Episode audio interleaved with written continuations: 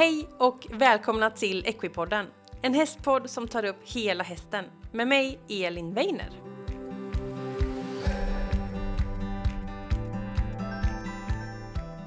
Hej och välkommen till ett helt nytt avsnitt av Equipodden.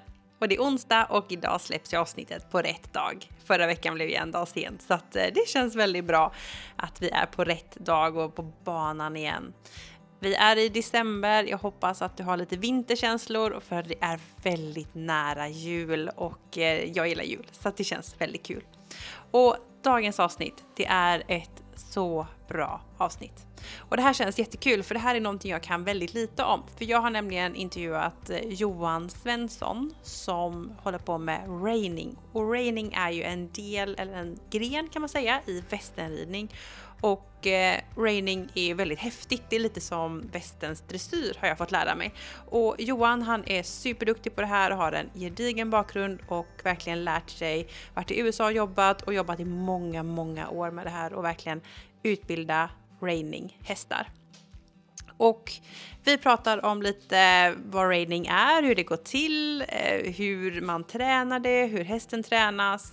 Vi pratar om lite fördomar, det här med låg form. Vi pratar om de här lite eh, svåra rörelserna, de här spinnstopp eh, och slidestopp och allt vad det är och lite hållbarhet. Och alltså Johan säger så mycket bra saker så håll i er för det här är ett så bra avsnitt. Så nu kör vi igång med Johan Svensson och Raining.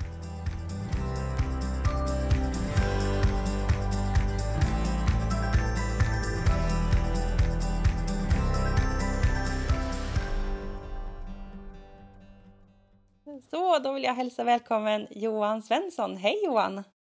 Hej, tack så mycket! Hur är det med dig idag? Det är väldigt bra tycker jag. Det är roligt att vara med i en så trevlig podd. Åh, vad kul! Ja, det här ska bli jättespännande. För du håller ju på med västernridning och mer specifikt raining eh, som är en gren i västern, eller hur?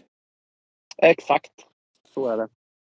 Och eh, jag sa det innan vi spelade in där, jag kan typ ingenting om det här och det känns jättekul att eh, dyka in i något man inte kan och lära sig mer. Och vi har gjort upp ett jätteschema här på allt vi ska prata om. Eh, så att jag hoppas att det här ska bli ett roligt avsnitt för alla lyssnare. Men, eh, men Johan, om vi börjar från början, vem är du och hur hamnade du där du är idag? Ja, eh, jag kommer från en familj som eh, är fjärde generation som jobbar med hästar. Eh, och givetvis så, så min mamma som, som förde mig in på västen, hon, hon höll på med både dressyr, hoppning, fälttävlan. Sen av en, eh, en ren tillfällighet när, vi, eh, när jag var liten så var de iväg och betäckte ett halvblodssto. Och på den gården så fanns det en amerikansk painthingst som den här mannen som hade eh, sin jag, jag kommer inte ens ihåg scenariot riktigt, men han var gammal och skröplig och hingsten var ung och styrig. Så att de frågade helt enkelt om mina föräldrar ville ta hand om den här hästen. Då. Eh, och sen på den vägen så började de kolla upp vad ska man göra med en sån häst. Eh, och sen så vart det då västernridning för hela slanten för allihopa och sen väldigt tidigt i ålder så, så såg jag liksom reiningen som, eh, som den fräckaste grenen. Liksom, så eh, så att vid 5-6 års ålder så hade jag liksom drömmen om att rida raining på ett bra sätt. Häftigt, det är ju det är väldigt ung ålder. Ja men det är väldigt ungt och framförallt så tror jag, tror jag liksom att man är första generationen som har växt upp mm. i eh, västernridning och raining och inte kanske haft en engelsk bakgrund först och sen kommit in på, på västernridningen senare. Just det, just det. Ja, vi, vi sa också det precis innan vi började spela in här att eh, vi tror att det vanligaste är att man börjar på ridskola och rider lite ja, vanligt engelskt och sen så kanske många byter efterhand och sådär. Kanske inte så många som hamnar in i det direkt. Eh, Nej, det, det finns ju nu såklart när folk som håller på med det och sen fortsätter liksom med sina barn. Absolut. Sen är det ju svårt i och med att det inte finns västernridning i den utsträckningen på ridskolor och sådär som den engelska. Så det är väl ganska naturligt att mm. hästintresset föds först inom mm. det engelska. Precis, precis. Ja, häftigt. Och så tidig ålder in i raining och det, har det varit raining hela vägen? Eller har det varit någon annan gren däremellan? Nej, det har det faktiskt inte utan jag har varit väldigt tidig med allting när det gäller ridningen i alla fall. Att, eh, jag bestämde mig kanske när jag var 12-13 år för att eh, bli, eh, rainingtränare. Jag såg en, en VOS från USA när jag såg en väldigt väl, väl, vältränad raininghäst och tänkte att min dröm i livet, eller mitt mål, ska vara att kunna skapa sådana där hästar som är så väldresserade och, och villiga och lätta och, och sådär. Mm. Um, så sen dess har jag egentligen bara gjort det. Så jag gick mina nio år i grundskola och sen så åkte jag till USA när jag var 16 år och um, ja, började jaga den drömmen helt enkelt. Uh, så ja, vi är en bit på vägen. Verkligen. Och, och vad gjorde du i USA då? Du jobbade i olika stall och träffade tränare och lärde dig eller? Ja men precis, jag åkte dit för att lära mig själv. Och i, I USA så är ju raining och västernridning deras eh, nationalsport, eller om man ska säga precis lika mm. vanligt eh, som, som den engelska ridningen är i, i Sverige. Mm. Och lika stort och utbrett. Så jag red in unghästar och jobbade ja, i, i stora träningsstall helt enkelt för att mm. utveckla mig och lära mig där, det, där de var som bäst på det. Mm, just det. Och sen ja. hem till Sverige igen och ta med dig det då? Ja, precis. Och sen eh, lyckades jag bli den första anställda rainingtränaren någonsin i Sverige och sen så fick jag en, wow. en annan anställning. Eh, så jag har gjort egentligen lite allt möjligt. Allt inom västernridning och häst. Men jag har drivit västernridskola och jag har haft inackorderingsstall och jag har jobbat som eh, veterinärassistent under ett gäng år och jag jobbar som hovslagare fortfarande än idag. Och, eh, men som sagt, hela tiden har passionen och, och, och viljan varit att träna fram unghästar eh, och skapa mm. raininghästar helt enkelt. Mm. På ett så bra sätt som möjligt en lång gedigen bakgrund med massa bra saker i bagaget helt enkelt låter det som. Och eh, idag så driver du stall eh, Dammkärr tillsammans med din fru. Ja, precis. Och eh, ni ja. ligger någonstans i Sverige? Mellan Norrköping och Nyköping brukar jag säga, ganska nära Kolmårdens djurpark. Mm, eh, där känner ju folk till. ja, många har varit där va? ja, precis. Så eh, där finns vi. Och eh, vi driver en verksamhet idag som är baserad på uppfödning och träning av raininghästar enbart. Och vi har ju eh, från att vi liksom har varit specialiserade på raining bara så har vi ja, kokat ner såsen mer och mer till att vi är eh, ja, nästan bara specialiserade på, på unga raininghästar och eh, träna fram dem från början och ge dem en bra start i livet. Mm, coolt! ja. Har ni mycket hästar i stallet? Eh, vi har väl 12 som rids per dag nu någonting. Och sen har vi eh, ungefär en 10 som går på lösdrift, alltså avelston och unghästar och sånt där. Mm. Men det är väl Så. ganska lagom eh, mängd ändå? ja men det är väldigt, någonstans man har varit ju under det och över det och hit och dit. Och någonstans har vi landat där i att man, eh, man måste kunna ro runt det de, de sämsta dagarna på mm. året på en person. Eh, när, det är, när det är jul och nyår och, och mm. alla såna här grejer. Så då måste det liksom fortfarande fungera. Och, så att vi har landat i det. Jag har ingen, eh, inget storhetsvansinne att jag vill ha mycket mer hästar eller sådär. Utan jag tror också att, att kvaliteten blir sämre om man blir större och man, är, man hamnar längre ifrån varje häst. Just det. Ja, spännande. Så mycket träning, mycket ridning och lite tävling också då såklart däremellan antar jag. Absolut, absolut.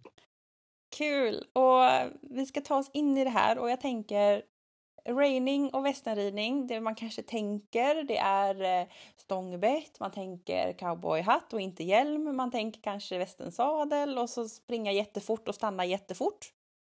Um, och det förstår jag är lite moment i raining. Kan du inte bara, om man börjar försöka ta sig in i liksom västernridning och sen in i raining, om man inte kan så mycket, typ som jag, hur, vad är det för någonting och hur funkar det och vad rider man, vad gör man liksom?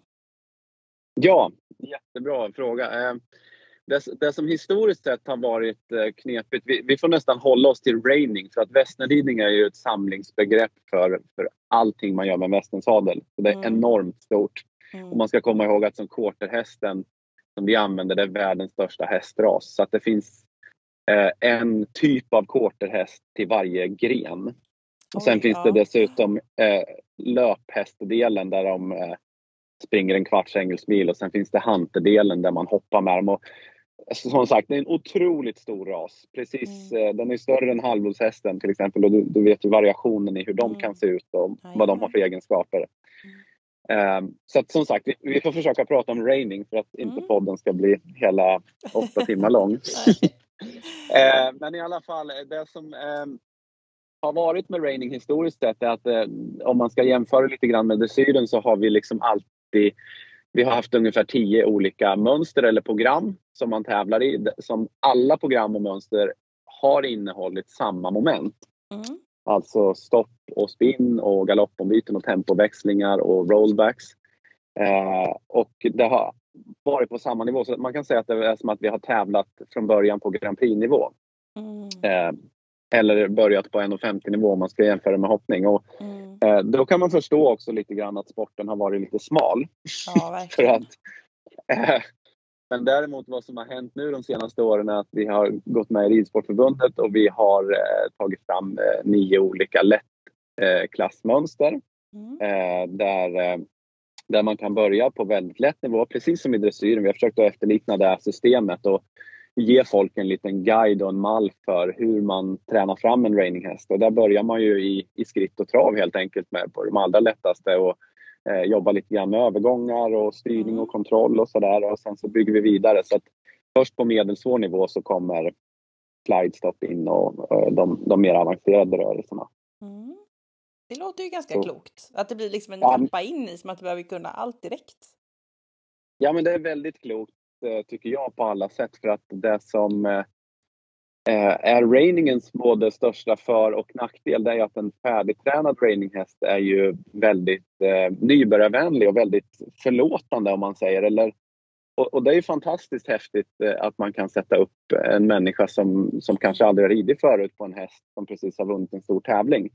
Eh, och de, det fungerar lite grann så för att, och det, det är för, eh, kommer från den här arbetshästkulturen från början att de ska stå still och de ska vara trygga i sig själva. Och där, där man kan lära sig raining nu genom att rida lättklasser är en väldigt bra grej för både, både hästar och människor tror jag. För att det förklarar eh, sporten på ett bra sätt och vad man behöver ha för typ av grundridning. Och jag tror att grundridningen är väldigt lik eh, eh, den engelska ridningen där man, eh, jag tror att alla inom all hästsport skulle jag vilja säga strävar efter eh, bra kommunikation med sin häst och, en lätthet till hjälperna och eh, sen, sen vad vi använder det till i slutänden för att göra ett spinn eller om vi gör en piruett eller om vi hoppar över ett hinder så, så är det lite olika. Alltså, det skiljer sig såklart men, men en bra grundriden häst är ju, är ju någonting som alla vill ha. Ehm, och det tror jag har varit liksom också rainingens största nackdel att eh, tidigare när det inte har funnits möjlighet att eh, kunna starta på en lägre nivå, då har man sett eh, eh hästar och ryttare som har gjort saker som de inte riktigt behärskar och eh, mm. det faller ju, in, faller ju in under dålig ridning. För att det, det tror jag är den, den viktigaste grejen när det gäller eh, hästvälfärd och bra eller dålig ridning är ju att man har en eh, en nykter syn på vilken nivå man är på. För att så fort eh, man försöker ta en häst över sin egen kapacitet eller nivå, eller en ryttare, då blir det som regel eh, sämre kommunikation och sämre mm. ridning helt enkelt. Och det ser mm. sämre ut. Ja, precis. Och det känns jättesvårt att börja med något som är jättesvårt. Och man så här, nu måste jag klara det här och göra det bästa liksom, att jag måste göra det allra svåraste det första jag gör. Det känns ju väldigt svårt, för det känns ju smart att, att börja lite lättare och det kanske också kan öppna upp sporten lite, att man inte tänker att jag måste kunna allt första gången jag går ut och gör en tävling. Det måste ju vara liksom en hög ja, tröskel in liksom. Den är ju vansinnigt hög och, och sen är det ju som alla som har tävlat vet att även om det har känts bra hemma och så vidare så första gången man ger sig iväg och allting sånt så Ja. Så är det mycket annat som är nytt och eh, som spökar. Om det mm. inte är mm. hästen så är det kanske man själv och så vidare. Eh, så att, nej, det tycker jag känns väldigt logiskt att man, man börjar på en lite lättare nivå. Eh, och, och sen tar sig vidare. Och sen framför allt för hästarnas skull. För att eh, när man pratar om eh, liksom hållbarhet och en reininghäst karriär om man säger hur lång den är och så vidare. Eh, det, den största missuppfattningen där är ju att människor tror att, att de tar slut om man säger rent fysiskt. Men den stora utmaningen med en reininghäst det är att hålla den eh, fräsch mentalt. Eh, I och med att vi tävlar dem på, på en lös tygel och med väldigt lätta hjälper så är det baserat på att hästen följer ens vikthjälper och väldigt små signaler. Och det första som man lär ut på alla domarkurser för reiningdomare och eh, den största bedömningsgrunden det är att hästen gör det den gör villigt. Eh, och det är faktiskt reiningen ensam om eh, att ha som högsta prio om man säger i hästsporten. Eh, man bedömer att hästen eh, är som sagt villig till det den gör och att, att det ser trevligt att, att titta på. Mm. Eh, eller att det ser trevligt ut, en trevlig bild. Mm. Eh, och eh, som sagt, vad jag var inne på där var med hållbarhet och, och, och lång, eh, hur långlivad en reininghäst blir som tävlingshäst mm. om man säger. Mm. problemet och kruxet som, som är i och med att vi tävlar dem väldigt fritt, det är att de efter man har tävlat dem en del så kan de bli gissiga och de tänker att eh, mm. de vet ungefär vad de ska göra. Mm, För att mycket av, eh, mm. eh, mycket av det, de mönstren gör sig väldigt lika ut. Så att till exempel galoppombyten och tempoväxlingar och spinn och så händer väldigt ofta på mitten av banan. Mm. Eh, och den mm. sån här kritisk punkt där hästen kan tänka så här att nej men, eh, jag ska göra det här själv. Eller i och med att de är så, så välvilliga så, så kan de gärna få för sig att de gör sakerna själv. Och det, Eh, är väl kanske den största utmaningen. Eh, mm. Så att vi, där jobbar man väldigt mycket med, med det mentala på hästen. Att vi, vet, vi vill att de ska veta vad de ska göra, att de ska göra det villigt men också att de är väldigt lyhörda för, för när och var och hur. Mm. Intressant. Det mentala, det, det tänker man inte så ofta på kanske. Um, att, liksom, att det är den som är så viktig, förstår jag ju då. Ja, men precis. Det är väl kanske en av de största eh, skillnaderna. Att när, när, eh, när vi pratar raining, i alla fall jag, så det är ju liksom 98% mental mm. träning. Vad mm. tänker hästen nu? Vad vill den? Vill den vara här? Eh, balanserar sig den av sig själv? Eh, ofta så kanske en obalans om man, om man rider en cirkel eller rider på fyrkantsspåret. Eh, kan hänga ihop med att hästen drar sig lite grann mot utgången eller har kompisarna mm. eller vad det nu än är. Och det är ju mm. för att den mentalt är på väg någonstans. Just det. Fast, mm. fast den, eh, den, är så pass disciplinerad så att den fortfarande gör det vi säger åt den. Men mm. eh, på en reininghäst är det otroligt viktigt att få med det mentala i och med att när vi tävlar sen så kommer det att visa sig vad den faktiskt vill göra och inte. Att är det så att den vill inte vill styra åt höger. Även fast vi har fått den att göra det lite mer manuellt kanske i träning mm. så när vi väl tävlar den så kommer det att, kommer det att synas. Mm. Just det, och det är också det man bedöms på då, att domaren ser att nej, den är inte riktigt villig eller så. Absolut, för det ser mm. man ju väldigt tydligt. En, en erfaren domare läser ju igenom det. Ja. Eh, väldigt enkelt. Så. Så det är det som jag tycker är mest spännande med reiningssporten överhuvudtaget. Att man, eh, man får tänka sig lite som en hästpsykolog på många mm. sätt. Att, mm. att man jobbar med den delen mer. Just det. Och om vi styr in lite på träningsdelen, eh, hur man tränar hästen. Hur gör du mentalt? Om du känner att du rider en dag så känner du att nej men den här hästen den, ja, den verkar inte riktigt vara med mig eller den verkar titta på annat eller det händer någonting och den vill liksom titta, slänga upp huvudet och titta på annat. Sådär. Vad, vad gör du? Eller hur tränar du det här mentala? Hur jobbar du för att, vara, att hästen ska vara helt närvarande med dig hela tiden? Det känns ju väldigt svårt. Det är ju ändå flyktdjur liksom. Ja, det är jättesvårt på många sätt, men det som vi är ju väldigt proaktiva när det gäller det och där kan vi mm. liksom börja om prata om det här med unghästar och när man rider in dem och allting sånt. Eh, för det är ju trots allt starten. Där eh, börjar man ju med det mentala. Eh, 100 procent att man får hästen avslappnad och trygg eh, och villig och eftergiven eh, redan från marken. Eh, och Eftersom hästen är ett flyktdjur men också ett vanedjur Eh, det är ju vana och instinkt som de går på. De, är ju inte, de har ju inget kognitivt tänkande som vi människor har. Att de kan, att de kan tänka att eh, om jag gör det här nu så händer det där sen. Utan de, de som sagt de reagerar eller går på vana. Eh, och då, då vill man, vi är väldigt noga med att vänja dem tidigt vid att eh, när vi jobbar med dem, oavsett om det är på en bana eller en rundkör eller ett ridhus, eh, så ska de vara avslappnade och lyhörda. Eh, och skulle det någonstans, vilket det gör mycket med en unghäst, så, så är det klart att uppmärksamheten försvinner ibland och ja, eh, de kanske klart. blir spända för att någonting mm. händer. Men eh, då i och med att vi, har, vi jobbar så konsekvent med det eh, så kan vi väldigt lätt komma tillbaks eh, till en uppmärksamhet och, och, vi backar väldigt gärna bandet ganska långt bak till, till kanske markhantering eller någonting sånt för att mm. eh, styra in dem på det. Och där kommer vi in på den delen där jag tror det mentala och det fysiska hänger ihop väldigt mycket. Att jag tror att om en, om en häst är avslappnad och trygg det den gör så eh, för det första så krävs det väldigt mycket mindre fysisk träning för att lära dem någonting. Mm. Eh, mm.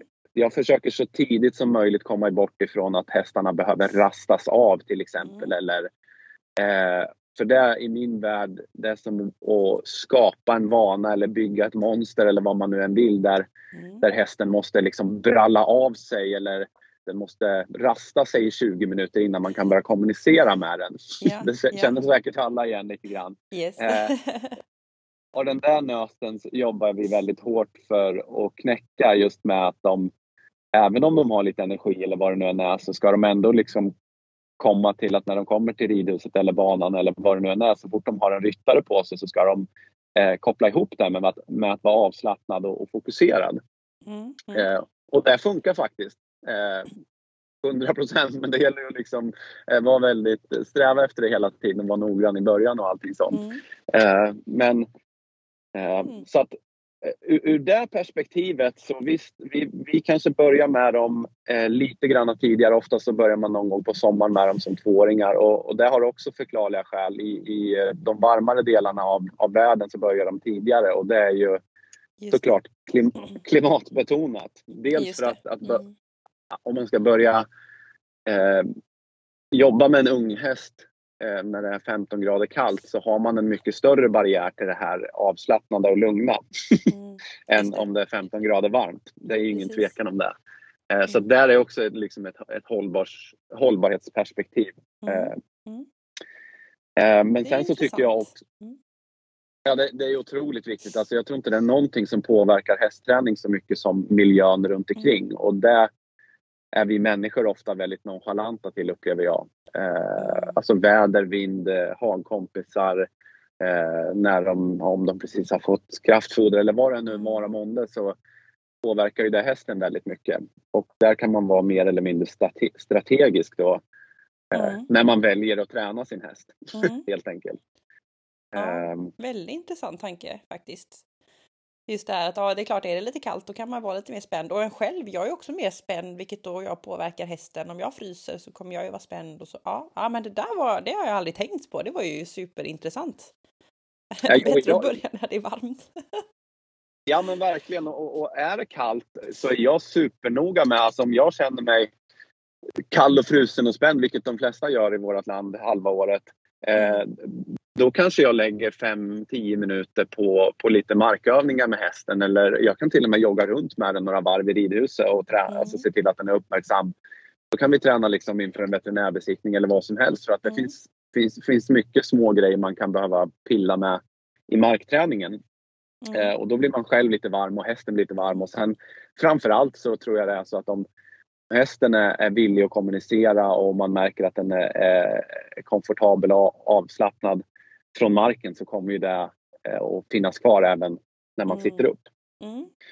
Och sen just det som jag sa tidigare att, att vanan av att när vi väl sitter upp så är vi alltid avslappnade, mm. vi är mm. alltid lite varma. Vi, vi, mm. och det där det är fantastiskt hur, hur hästar kan koppla det för att när de blir lite äldre sen och har erfarenheten av det, då kan man liksom ha en häst som är jättetaggad kanske eller jättepigg eller sådär när man kommer ut på tävling. Eh, och sen så fort man hamnar i sadeln på dem så tar de ett djupt andetag och tänker okej, okay, här kan vi mm. slappna av. Det här är min eh, comfort zone. Åh, vad viktigt. Otroligt viktigt. Ja. ja. Och, och för alla, jag tänker också sådär om, om det går helt okej hemma så kommer allting förstärkas på tävling med en ny plats och jättemycket rörelse och hästar och människor och ljud och allt vad det innebär. Om det funkar halvbra hemma kommer det funka dåligt på tävling. Men att ha den grunden att så här, okej, okay, jag bär min ryttare, nu är det lugnt. Att liksom gå in i den zonen, det vill man ju alltid när man rider. Det är ju helt fantastiskt. Att liksom... ja, tyvärr så är det ju många gånger tvärtom. Att ja. man, eh, Verkligen. man liksom har som ett mentalt krig med sig själv eh, en halvtimme innan man ska upp och sen så till slut så bara gör man korstecknet och kastar sig upp och hoppas på det mm. bästa. Mm. Och det är ju liksom helt fel approach tycker jag för att då, då är vi fel ute från början på något mm. sätt. Mm. Um, och sen en annan grej som, som jag också tycker har en stor eh, påverkan i det här med unghästar och med allting sånt är att, att träna kontinuerligt. Jag tränar hellre sex dagar i veckan men tio minuter, en kvart om dagen än att eh, vi tränar tre dagar i veckan och hästen mm. på något sätt har kommit ifrån det lite grann. Eller så mm. jag, jag, upplever att man, man sparar tid och man sparar ansträngning både för sig själv och hästen genom att eh, träna ofta mm. istället för mycket. Mm. Just det. Kortare tider ja. oftare än en halvtimme var tredje dag typ, så blir det tio minuter på tre dagar. Ja, och det kan till och med vara så vissa gånger att jag tränar en häst två gånger om dagen för att mm. jag, jag, jag, jag nådde en så bra plats på förmiddagen och så tänker mm. jag bara det här vill vi befästa lite mm. till så att vi bara förstärker den här sköna känslan på mm. eftermiddagen lite till. Um, Spännande. Och um, unghästarna någonstans när de blir två på sommaren, börjar mycket med markövningar, kontakt och avslappning och, och, och liksom villighet. Det börjar man med där då. Ja, och sen det som vi gör, eh, om man tänker de första två, tre månaderna så handlar allt egentligen om det och att de ska vara otroligt trygga med ryttaren mm. eh, på sig. Och, och, vi jobbar ju mycket med att säcka ut dem, kallar man det. Att de, mm. Istället för att man är försiktig så är man oförsiktig. Att man fladdrar och far, eh, man rör sig väldigt mycket på dem och eh, vid sidan av dem och allting sånt. Att man, eh, man, man lite grann tar bort en del av känsligheten eh, och flykten framför allt. All flykt och, och, sånt ska bort så att man mm. får en trygg häst från början. Och det, det bottnar ju liksom det här rancharbetet och det mm. amerikanska att, att liksom de, de måste vara fine med, med allt vad som händer. Mm. Eh, och sen utifrån det sen så, så börjar man ju mer och mer med dressyren och, och att man bygger upp en känslighet och sådär. Men först så ska de liksom kunna skritt, trav och galopp på en lös tygel och vara väldigt komfortabla där, kunna balansera sig själva. Mm. Eh, ta hand om sin egen kropp med en ryttare på sig. Just det. Och när jag har den grunden då kan jag börja finlira, tänker man. Ja men precis, då börjar mm. man ju liksom plocka ihop alla bitar och jobba med mm. förflyttningar och samling och allt. Eh, mm. Ja, hela den delen. Men då måste jag fråga. Mm. Lång tygel, det ser man ju på, på video så, den är ju superlång. Och så går hästen i en väldigt, väldigt låg form. Hur hamnar man där? Är det så att man bara släpper och hoppas att det funkar? Eller får man ha lite mer kontakt först? Eller liksom hur, hur, hur hamnar man där? Det var en väldigt bra fråga. Eh, för det första så tänker man ju att när en häst riktigt slappnar av så sänker den huvudet. Eh, mm. Är den spänd, spänd så höjer den huvudet. Mm. Eh, så att det, det, färdiga som du pratar om där, det är ju en, en väldigt stark eh, och välutbildad och balanserad häst som klarar mm. av att göra alla de här grejerna mm. på så pass lös tygel och, och, och, och sen var den, var den nu väljer att ha huvudet, för mm. så måste man ändå uttrycka det, det är så vi jobbar. Eh, det har inte jättestor betydelse utan det har mycket med exteriören och hur de rör sig och hur de balanserar sig att göra. Det finns mm. ingen bedömning i var hästens huvud är i reining. Mm. Vilket också är intressant för att det vet jag ju, eller det är ju den stora liksom, frågan i hela hästsporten där alla pratar om den, ska, den, den går bakom lodplan eller den går framför eller den går hit och vart ska den ha huvudet och alltihop. Mm. Eh, och det är liksom en diskussion som inte existerar mm. på andra sidan Atlanten. För att där tittar man mer på Bjuder hästen bra? Är den balanserad i kroppen? Ser den komfortabel ut? Mm. Eh, Mm. Och där känns det som en mycket, mycket intressantare debatt än var, eh, var hästens lodplan är eller inte eller var nacken är. Eh, mm. Ser hästen ut som den vill göra det den vill göra? Ser hästen komfortabel ut? Och där mm. tycker jag liksom att hela ridsporten måste bli bara bättre på att diskutera. Att eh, fastna inte i en, i en form eller en bild som någon har ritat upp eller vad som helst utan känns hästen komfortabel och upplevs den komfortabel, då måste det ju vara bra. Mm. Eh, på något sätt. Mm. Eh, med det sagt, du frågade hur vi kommer dit och sådär och eh, det är absolut inte på något vis så att man tränar en häst, en reininghäst på lös tygel. Mm. eh, för det, det, är helt, det är helt omöjligt. Jag ser mig som deras psykolog och som deras PT. Mm. Det finns inga hästar som är byggda för att bära en ryttare så att vi måste hjälpa dem att hitta den positionen eh, som är mest skonsam för dem och där de, får, där de blir där vi kan optimera deras fysik helt enkelt. För det är där det handlar om när man håller på med tävling. Det är ju att få en häst som är så stark och balanserad som möjligt så den kan mm. göra så fina rörelser som möjligt. Mm. Eh, med det sagt så, så jobbar vi väldigt mycket förflyttningar, skänkelvikningar, allt som ser ut som dressyr. Bara att eh, som sagt, vi har ingen, inget slutmål med formen på dem, att den ska se mm. ut på ett visst sätt. Utan eh, vi hjälper dem eh, genom samling och eftergivenhet. De ska vara otroligt lätta till handen och lätta till hjälpen överhuvudtaget. Eh, så mycket vi behöver för att få dem att förstå vad vi vill. Ehm, eh, och sen ger vi en större eftergift. Så att mm. För min del så är det ibland så att jag har perioder på de unga hästarna där jag rider dem mer in i en ram så att säga med, med kortare tyglar och eh, håller om dem mer och ser till att jag verkligen befäster en position. För på en ung häst så måste man göra det. Man måste ge dem mm. stöd och se till att... Jag tror också att enda sättet som en häst kan, kan muskla sig rätt för ridning det är ju genom att de arbetar i rätt position. Mm. Och där är en sån här... Enda sättet vi kan få dem i rätt position är genom att de har rätt relation till hand och skänkel. Mm. Eh, och har de inte det, då kommer vi aldrig komma dit. Um, mm. så det är en, en, och det är det vi gör som jag pratade om de här första tre månaderna kanske då att de, de lär sig vara eftergivna till hand och skänkel utan att vi rider dem på ett stöd utan att de får en större eftergift. Att vi ger dem till, till handen så släpper vi tillbaks fullt ut. Eh, och det gör ju att de blir mer motiverade. Mm. Eh, alltså ju större kontrast det är mellan tryck och eftergift, ju mer motiverad häst får man ju. Mm. Mm. Eh, eh, och sen är det ju tänker jag väldigt ofta så att om en häst kan eh, styra, gå, alltså svänga, gå på rakt spår, gå på cirkel eh, i samma takt och rytm på en lös tygel, då är det någon form av balans. Mm. Mm.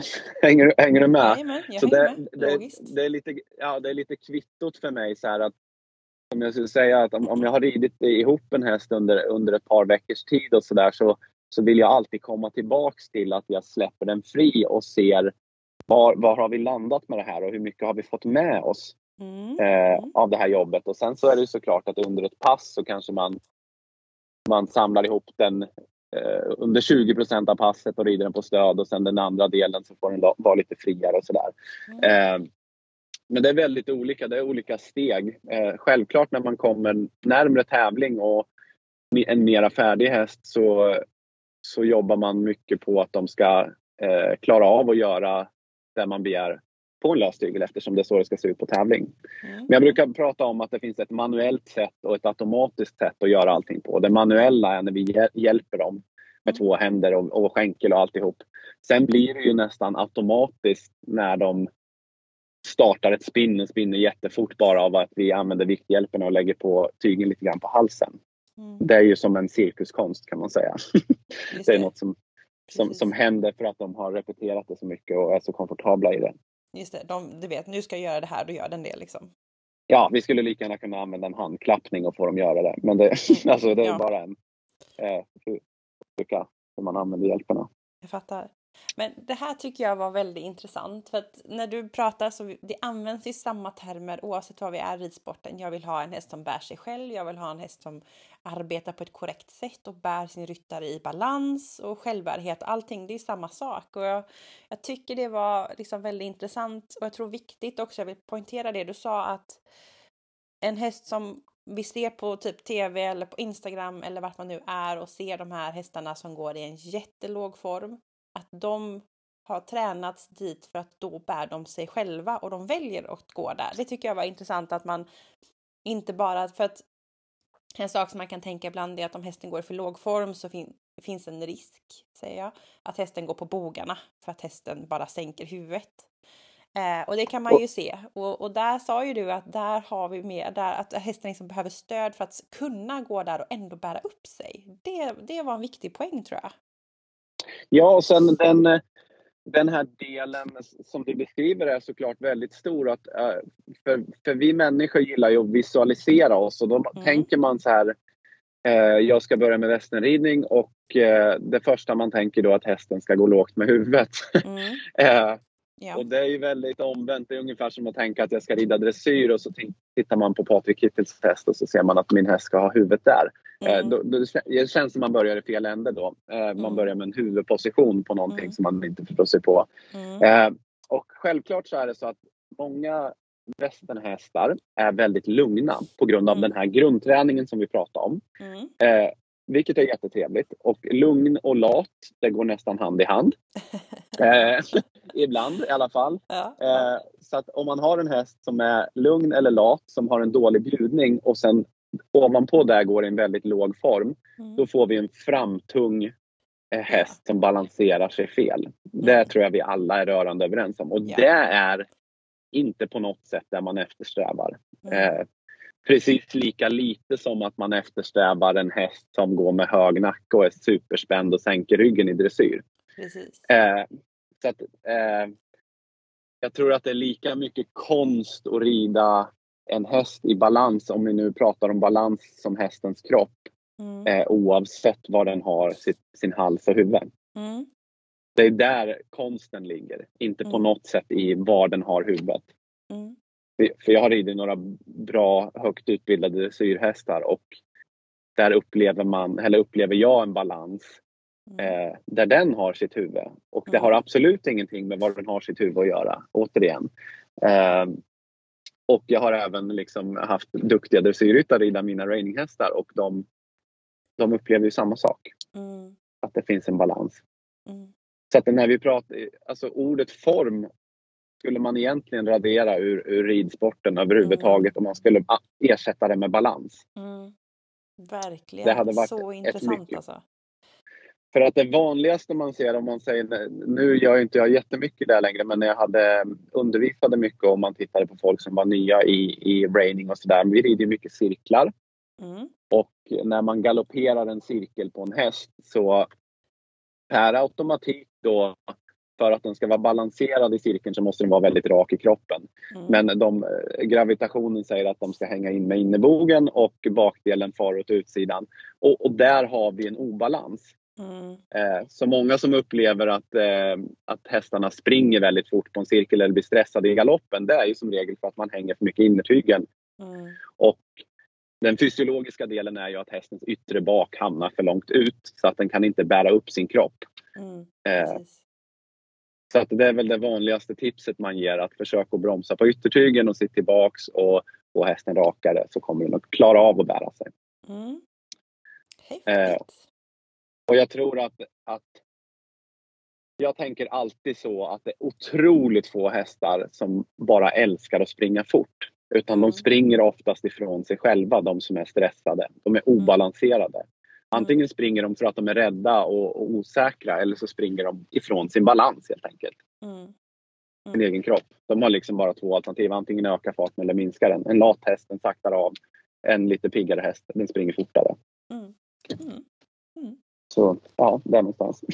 Jätteintressant. Ja, det här känns, eh, ja men det är kul att höra liksom att oavsett liksom gren så har vi ändå samma tänk och samma vilja med våra hästar liksom. Vi vill att de ska vara glada och bära sig och arbeta på rätt sätt och allt vad vi, vad vi vill. Ja, det är super jätteintressant Johan.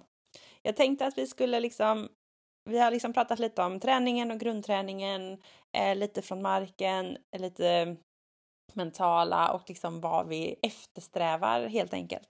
Och eh, jag tänker om man liksom har det som grund och man börjar med den unga hästen och så liksom kommer man upp och så i de här tävlingsmomenten så har vi ju nämnt några stycken. Eh, du, eh, du, nämnde rollback Eh, och du nämnde slide spin, galoppombyten och allt sånt där. Om, om vi går tillbaka lite till den rena reiningssporten, kan du inte beskriva lite de här lite specifika rörelser? Jag tror alla, ett galoppombyte har väl alla hört och att gå på en, eh, en cirkel, det kan ju alla se framför sig, men typ en rollback, vad är det? En rollback är ju en vändning. Vi kan börja med att säga att ordet raining, det kommer ifrån ordet rain som mm. betyder tygel. Mm. Eh, och där kan man ju se ganska tydligt att vi tävlar i den som har den bäst tyglade hästen. Mm. Eh, the best rained horse. Så vi använder ju något som heter neck raining när vi eh, lägger på ehm, tygen på utsidan av hästen och den styr undan för det trycket. Mm. Ehm, men i alla fall, eh, så att ett spin då, vi kan börja där för, för det sitter ihop lite med rollbacken. Eh, spin är ju när hästen står still eh, och trampar runt sin egen axel kan man säga. Den står still med inne bak och sen korsar den över fram. Så att vad vi gör är att vi styr egentligen hästen stillastående. Mm. Det där, och sen har det bara blivit extremare och extremare om man säger. Ja, det går superfort. Den, ja, det går ju superfort. Och det man vill se där är ju en takt och rytm och en villighet och en lätthet och mm. hög precision. All raining eh, bedöms ju som sagt först på hästens villighet att det ser trevligt ut men sen eh, för att få pluspoäng så ska man öka svårighetsgraden och genom mm. att öka svårighetsgraden det handlar ju mycket om att öka farten då mm. och bibehålla kontrollen och lättheten. Mm. mm. Eh, så att en rollback kommer ju efter ett slide stop alltid. Mm. Så den, det står ju gör en rollback i regelboken men det innebär att göra ett slidestop och sen vänd hästen 180 grader och galoppera iväg åt andra hållet. Mm. Um, och ett slidestop är ju liksom signaturmanövern uh, för reiningen kan man säga. Mm. Där hästen glider på sina bakben och fortsätter trava med frambenen. Och mm. det är väl den mest eh, mest spektakulära, mest missförstådda, mest hyllade rörelsen i raining. ja. eh, och för att förklara den på ett bra sätt så för det första så för att kunna göra ett slidestop som man ser på tävling, på de större tävlingarna på en färdig häst så måste man ha en häst som är avlad för att göra det och man måste ha, och som är tränad för att göra det och man måste ha en skodd på ett visst sätt och man måste ha ett speciellt underlag. Mm. Eh, men när man har allting där, då kommer vi till själva träningsdelen. Hur lär man en häst att göra det där? Ja, precis. Och där kan jag säga nästan att det gör man inte. Utan de är, när man ser en förlunge springa runt i hagen och stanna vid staketet så sätter de sig på rumpan och eh, rundar upp ryggen och använder magmusklerna. Mm. Eh, sen, så bygger vi vidare på det. Precis som jag tror att en, en bra trav på en dressyrhäst Mm. Tränar man, det är inget man, eh, by, alltså man förstärker och bygger upp det och så vidare men den finns där. Precis, man har eh, grunden liksom. Mm. Ja, så de är otroligt eh, villiga att göra det här från början. Eh, och den största grejen som vi jobbar med nu när, när raininghästarna har kommit så långt som de har i aveln, det är att få dem att egentligen inte tänka på att stoppa utan ja. få dem att bjuda fram precis som en häst som bjuder mot ett hinder mm. så ska den bjuda mot hindret och sen ta i från bålen och runda sig och hoppa över. Mm. Exakt samma sak vill vi med en raininghäst i ett stopp. Den ska bjuda in i stoppet för att få under sig bakbenen eh, och vara lätt i fram och använda ryggen och använda magmusklerna. Mm. Så att jag skulle vilja säga att den där rörelsen har kommit från att det är kanske det mest eh, skonsamma sättet för en häst att stanna tvärt. Mm. För om de stannar med, med raka framben om man säger eh, på alla fyra, som mm. vi kallar ett kostopp, mm. då blir ju liksom belastningen väldigt hård. Mm. Och jag tror alla som har upplevt ett slidestop på en bra häst eh, med bra förutsättningar upplever det som väldigt mjukt. Mm. Man ber den att stanna och sen så upplever man nästan att den inte stannar utan att det, det blir som en avsaktning fast den, den glider ju och travar vidare fram. Så det blir väldigt mm. mjukt och det är det vi eftersträvar. Mm. En, en avslappnad häst som, som tar i i bålen men är väldigt avslappnad i fram och lätt i fram. Mm. Jag fattar. Intressant. Hänger du med? Ja. Ja, men jag, jag, ser det framför mig. Ja, men det är intressant och det är lite som du säger. Det, man behöver inte titta på föl för att se en häst som springer mot en staket så sätter de sig och så uff, glider de in. Eh, det, det sitter ju, det, det, gör de ju liksom naturligt. Um, och det jag tänker att vi ska komma in på här, alltså det är ju um, det som man ser utifrån när man inte är i västernvärlden, det är ju att shit, benen håller på att gå av, typ. Hur mm. klarar man av det? Det känns som att det borde gå sönder på alla leder, alla kotor och stenar och allting när man gör de här eh, väldigt svåra rörelserna med att eh, svänga runt så fort och den här slidestoppen. Men då förstår jag ju att det är inte alla hästar som gör det, utan det är de som är tränade och att det är väldigt speciella förhållanden, eller? Ja men verkligen, så är det ju och eh, där, där måste man vara otroligt liksom eh, lyhörd som, som tränare och ryttare på, på, på, dels på alla förutsättningar men sen framförallt på hästen vad, vad den klarar av och sådär. Och, och som sagt, det som, eh, det som är mitt vardagliga bekymmer, trots att jag har underlaget, skoningarna och allt ihop det här, det är ju att få hästarna att inte vilja stoppa så hårt och vill, man vill att de ska slappna av. Och jag tränar massor på övergångar för att mm. eh, ett slidestop är en typ av övergång. Och jag tror att alla i en övergång från eh, galopp till trav vill ju ha en lätt häst i handen som är mjuk och som balanserar sig eh, genom hela övergången. Och alla som håller på med det vet att det också är ganska svårt. Ja, och, och, och, det kräver en del repetition. Så att eh, man på något sätt själva eh, slutprodukten om man säger, när man säger ordet wow och de trycker ner rumpan i marken och travar med frambena. Eh, det är ett, ett resultat av eh, jobbet man har gjort innan. Att de springer väldigt rakt och villigt och avslappnat och att de är väldigt lyhörda. Ehm, det är det som liksom till slut blir ett stopp och sen deras egna fysiska talang såklart. Mm. Eh, och där tror jag där, där många går vilse i det här att, att eh, och det, det, det är fullt förståeligt i och med att det inte har funnits mycket förklaring till vad ett slidestop är utan Eh, de flesta de liksom börjar galoppera fram och tillbaks och försöka stanna hästen på bästa mm. sätt. Och det är helt fel approach. För varje gång man, man misslyckas som man säger med ett slidestop eh, där man kanske hamnar i hästens mun för mycket eller man studsar på ryggen eller vad det nu än är. Eh, så får hästen en dålig upplevelse och eh, mm. blir kanske mer spänd till nästa gång. Och det vill man absolut inte utan jag försöker verkligen eh, eliminera de, de dåliga upplevelserna så mycket som möjligt. Mm. Mm. Mm. Och jag tänker på den här äh, spinnen. Den känns ju också väldigt svår och äh, är det också speciella underlag och skor och så för att klara av att svänga runt? Eller hur, hur tänker man med hållbarhet i den rörelsen? Ja, men det är lite samma där att eh, den är ju väldigt lätt att lära en häst som, som har lätt för det. Och det är klart mm. att allt är lätt när man kan det. För, på något sätt om man säger det så. Så jäkla lätt är det inte. Men med, vi, vi bygger upp det, det är ju styrning. Så vi börjar ju träna spinn eh, väldigt, väldigt tidigt på dem. Men då handlar det om att de tar ett steg mm. eh, där de korsar över fram och så får de en väldigt stor eftergift. Och den processen håller man på med väldigt, väldigt länge. Sen blir det två steg och sen blir det tre och så vidare. Och så, vidare. så bygger man liksom vidare på det. Eh, men det, det, är liksom, eh, som sagt, det hänger ihop med styrningen, bara att man gör det stillastående. Eller att man tänker att det är en bakdelsvändning som, som det heter inom dressyren. Vi, flytt, vi flyttar framdelen helt enkelt. Mm. Eh, och sen när det gäller hållbarheten, det är precis samma sak att när hästen över tid har tränat upp sig, blivit balanserad och dynamisk eh, och eh, så finns det inget, eh, och sen har ju vi benskydd på dem fram och sådär, för det är klart att det är väldigt hög fart om de slår ihop sina ben så, så kan det uppstå skador.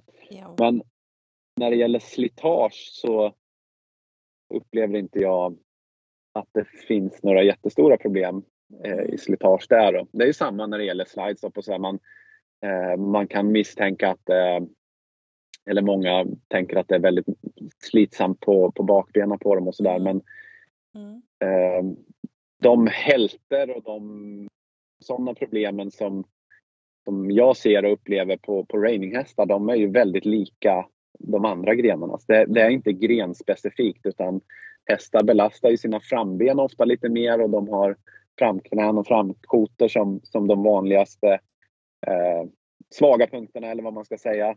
Mm. Eh, sen, ja, det är klart att det finns eh, baknän och sånt där som, som behöver behandlas någon gång men, men det, det är väldigt, väldigt lite skulle jag säga. Den, eh, jag har en fyraåring nu som jag placerade mig jättebra med i Tyskland som eh, som har liksom gjort eh, en ganska intensiv tävlingskarriär som tre och fyraåring och han är liksom aldrig behandlad någonstans, aldrig varit halt. Eh, mm.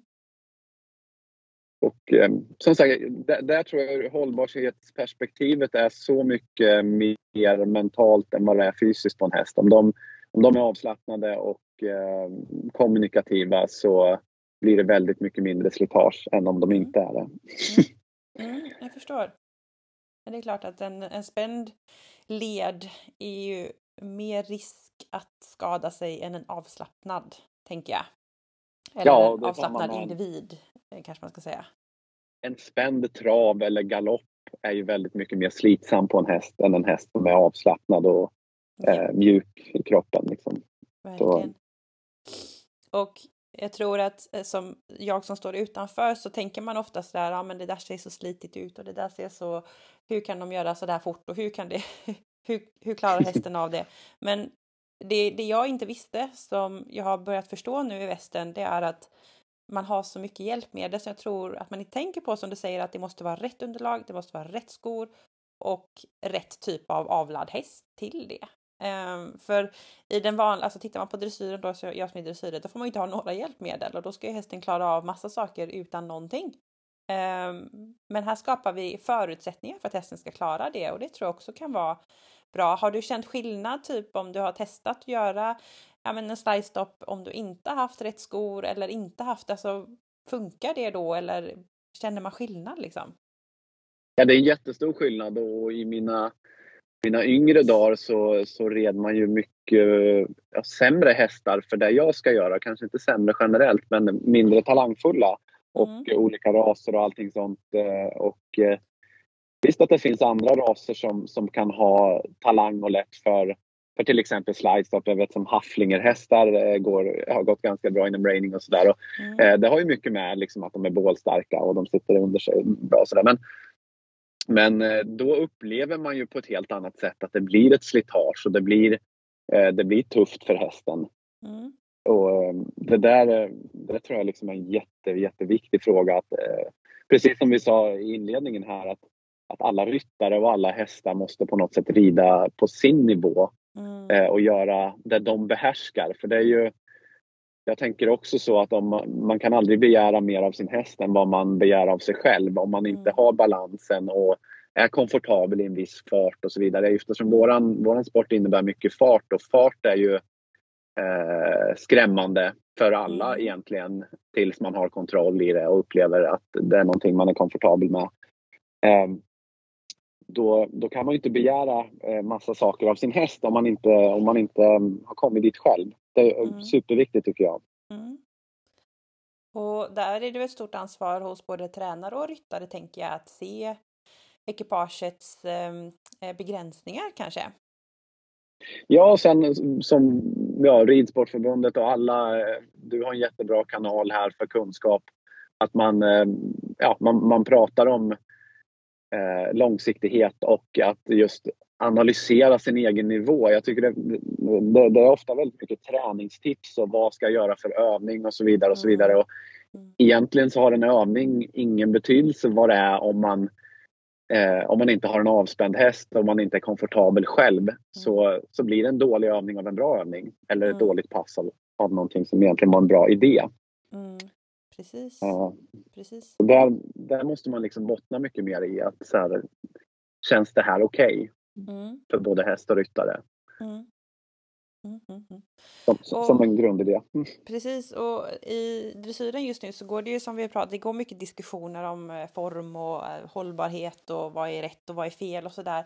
Eh, är det, jag tänker att domarna måste ju också ha någon slags ansvar i att typ att det här att man inte premierar det som inte är bra ridning, om du förstår vad jag menar. Eh, Verkligen. Är, är det så i rainingen, går det de diskussionerna eh, som vi har pratat om här, att liksom tänka på hållbarheten, att den här hästen kanske inte ska gå på den här nivån eller att man inte släpper upp hästar och ekipage som inte är redo för de här svåra rörelserna, eller hur, hur är diskussionen där? Eh, den, den är ju ständigt pågående. Det som, det som är att rainingen internationellt, som jag sa tidigare, där tävlar alla på samma eh, svårighetsgrad. Mm. Eh, och eh, kulturen i USA, där sporten kommer ifrån, är så annorlunda. För där har man inte den hästkulturen som vi har i Europa, där man har väldigt många som har en egen hobbyhäst hemma eller mm. där. Utan det är mer det är baserat på att det är professionella människor som tränar hästarna och sen så som, som amatör eller vad man ska säga så, så köper man en färdig häst och man mm. ansluter sig till en tränare och så jobbar man utifrån det. Mm. Så, att, så att i USA funkar det lite bättre om man säger det systemet men sporten är också eh, ganska liten även där om man säger just på grund av det. För att man har inte den här bredden på hästkultur som vi har i Europa. Mm. Men när man tar ett sådant system och sätter det i Europa eller Sverige då så blir det lite mer att att eh, varje person ska träna fram sin egen reininghäst och där stöter vi på problem. Mm. Just med det här med nivån och allting sånt. Eh, att, eh, att om man nu ska tävla och göra alla de här svåra grejerna det första man gör så är det blir det mycket dålig ridning och mycket mm. unghästar som, som jag tycker får för mycket press på sig och, och blir stressade och sådär. Och det är ofta för att de inte är rätt förberedda och för att ryttarna är osäkra Mm. eh, i det de ska göra helt enkelt. Och då, mm. då går det ut över hästarna. Mm. Men sen som sagt på, på, även på internationell nivå så domarseminarier och allting sånt. Det, det kommer ju alltid små trender och, och, sporten utvecklas massor och hästarna blir bättre och ryttarna. Eh, så, så diskuteras det hela tiden.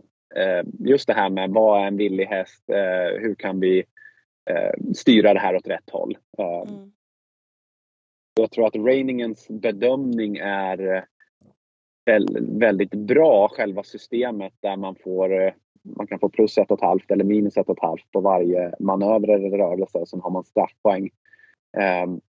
Så att även som oerfaren så har man tittat på 10 raining-ekipage så kan man liksom börja förstå bedömningen och tänka så här att ja, men den där kommer vinna över den och så vidare. Man kan hänga med på den. Mm. Och det är en väldigt bra grej. För att mm. det kan vara svårare i dressyren upplever jag Verkligen. när man Verkligen. tittar där.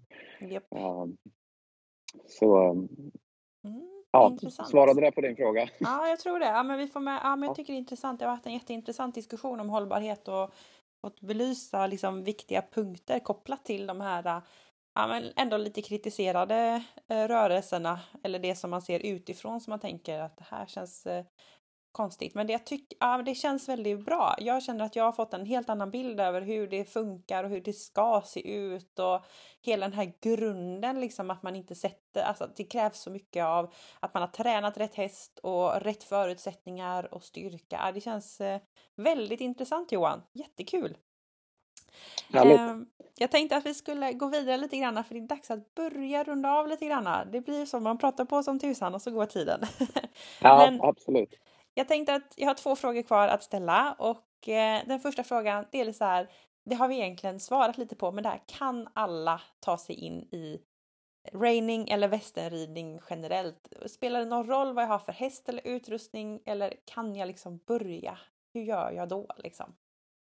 Alla kan verkligen börja och eh, eh det har jag jobbat massor med inom Ridsportförbundet, just att beskriva rainingen som, en, som ett ridsätt och inte som en mm. uppvisningsgren. Eh, Eh, och det finns så mycket eh, liksom, eh, bra grejer och just eh, västernridningen som, som, eh, som helhet, att, att den grundar sig i en arbetshäst.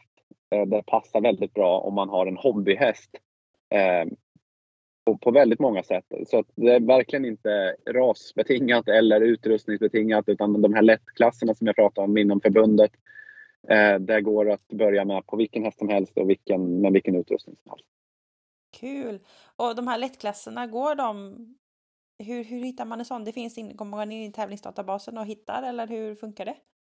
Vi har precis startat upp eh, med den första officiella raining-tävlingen faktiskt. Sen har vi testat med mycket träningstävlingar och sånt här. Men det som eh, vi uppmuntrar folk till nu det är ju att inom sin lokala klubb eller så att man, eh, man mm. tittar på det här med raining och hör av sig till rainingkommittén och eh, kanske testar att arrangera en lättklasstävling mm. eh, inom förbundet. Just det, så att fler får testa på. Absolut, och även ridskolor och sådär. Ja. Kul! Alla kan alltså. Och då kommer jag till min sista fråga idag och det är om jag nu, jag kanske inte vill byta till västen men jag kanske kände att det finns ju guldkorn att ta överallt ifrån och jag vill liksom bredda mitt sätt att rida. Vad har du för tips för någon som rider, om jag säger citationsklassiskt engelskt nu, hoppning, dressyr eller jag rider i skogen eller vad jag nu gör. Vad har du för tips som man kan lära sig av eh, reiningens sätt att se på häst och träna häst och liksom, vad kan man ta med sig för guldkorn till sin vanliga ridning? Jag tror att det är mycket det vi har pratat om att man, man kan kanske titta lite mer på vad, vad hästen själv tänker och vad den är i för sinnesstämning eh, när man jobbar med den och rider. Och, och sen, eh, det tror jag alla ryttare som sagt, analysera sin egen och hästens nivå eh, och, och, börja där man är och inte där man vill vara. Mm. Eh, det tror jag är jätteviktigt. Men just eh, leka med det, se om man kan förändra hästens inställning till, till träning och sådär för att komma till mer avspändhet och kommunikation. Det, mm. det, är vi väldigt bra på inom reiningen. Det är vårt liksom, specialområde eller vad man ska säga. Mm. Just det. Man skulle kunna gå till en rainingtränare och bara få lite sådana hjälpsaker kanske? Absolut, och det, det är många som gör. Eh, framgångsrika dressyrryttare och sådär som, eh, som tar hjälp av rainingryttare. Så att, det, det, är så otroligt många mer likheter än olikheter och mm. det måste man komma ihåg när man eh, pratar om olika grenar att man måste komma ihåg att eh, det skiljer sig mer på nivå än på gren. Så att en mm. jätteduktig rainingryttare och en jätteduktig dressyrryttare har väldigt mycket mer gemensamt mm. eh, än vad man tror. Mm. mm. Så lära sig mer om sinnesställningarna och liksom hitta fokuset hos hästen. Finns det mer vi kan ta med oss? Ja, sen eh, leka med det här med en, eh, kanske en större eftergift ibland och tänka att eh, eh, man ska se vad hästen tar vägen eh, när den är lite friare och sådär. Det, och det går ju tillbaks till eh, att, vad hästen själv vill och vad den har i tankarna så att säga. Mm. Försöka jobba lite grann med det. Jag tror att det, det är bra för alla. Mm. Oavsett sport. Verkligen, det ska jag testa. Vad händer? Är hästen kvar eller kommer den att svänga, stanna eller vad kommer att hända om jag släpper en stor eftergift?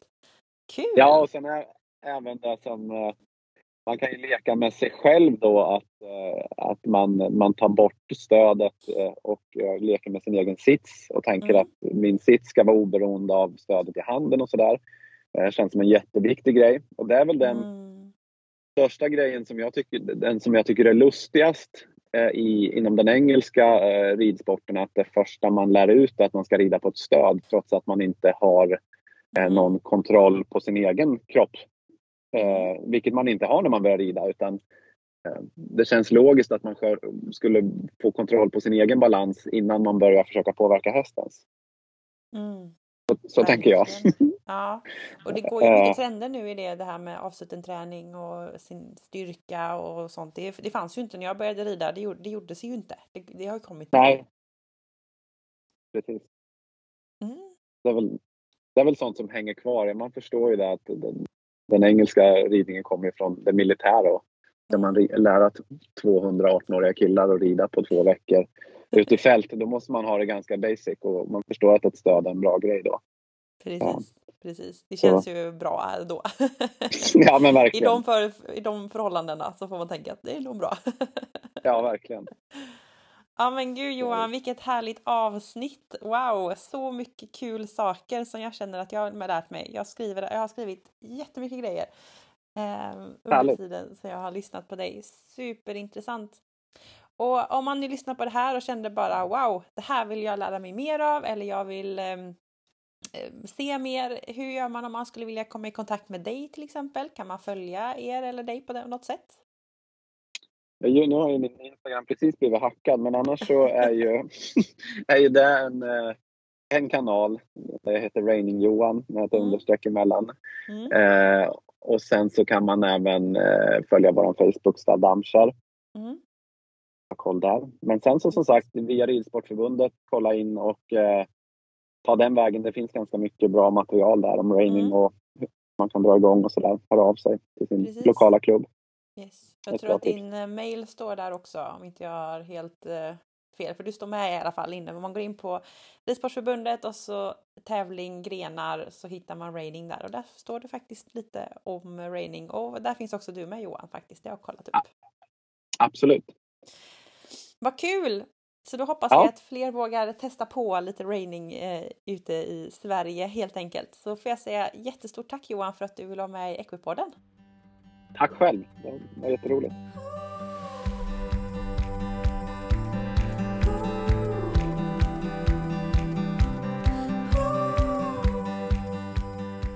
Alltså det här var ett så himla bra avsnitt och jag älskar sådana här avsnitt där man verkligen får lära sig och man får dyka in i saker som man inte kan så mycket om för jag visste väldigt lite om det här innan kan jag ju erkänna då. Um, när man lyssnar på Johan, när jag var gjorde liksom intervjun så kände jag bara wow, det där var intressant och det där var en bra grej. Ja, det där var intressant. Och nu när jag lyssnar på det igen när jag har klippt så kände jag bara oj, det där var intressant. Åh, vilken bra tanke. Så det här är ett sånt här avsnitt som jag nog kommer att lyssna på många gånger för det liksom kommer fram nya saker hela tiden. Och jag känner att oavsett vad jag rider och vad jag håller på med så kunde jag ta med massa saker att applicera på mitt sätt att rida och mitt sätt att tänka och vara i stallet. Ja, jag älskar det Johan. Det var så himla bra. Och vill man se mer så kan man kika in då på Raining Johan på Instagram eller på då Stall Dammkär som finns på Instagram och Facebook. Där kan man se mer i deras vardag helt enkelt. Och när du ändå är inne, följ Equipodden på sociala medier, Instagram och Facebook. Där dyker det upp massa spännande saker som är utöver det ni har hört i podden här. Och eh, när du har lyssnat på det här får du också jättegärna lämna en recension och man kan lämna lite stjärnor beroende på vart man lyssnar någonstans. Så gör gärna det så att fler kan hitta till podden. Nästa vecka, då är det tillbaka med en stor favorit för att Vivica Everts på Svensk Hästrehab är tillbaka i podden. Och vi ska prata om eh, ja, lite spännande saker, så nästa vecka vill ni inte missa. Och så länge får jag önska er en fantastisk vecka. Jag hoppas du har det jättebra. Kom ihåg, ta det lugnt i julstressen. Snart är det jul, så hörs vi nästa vecka igen. Hej då!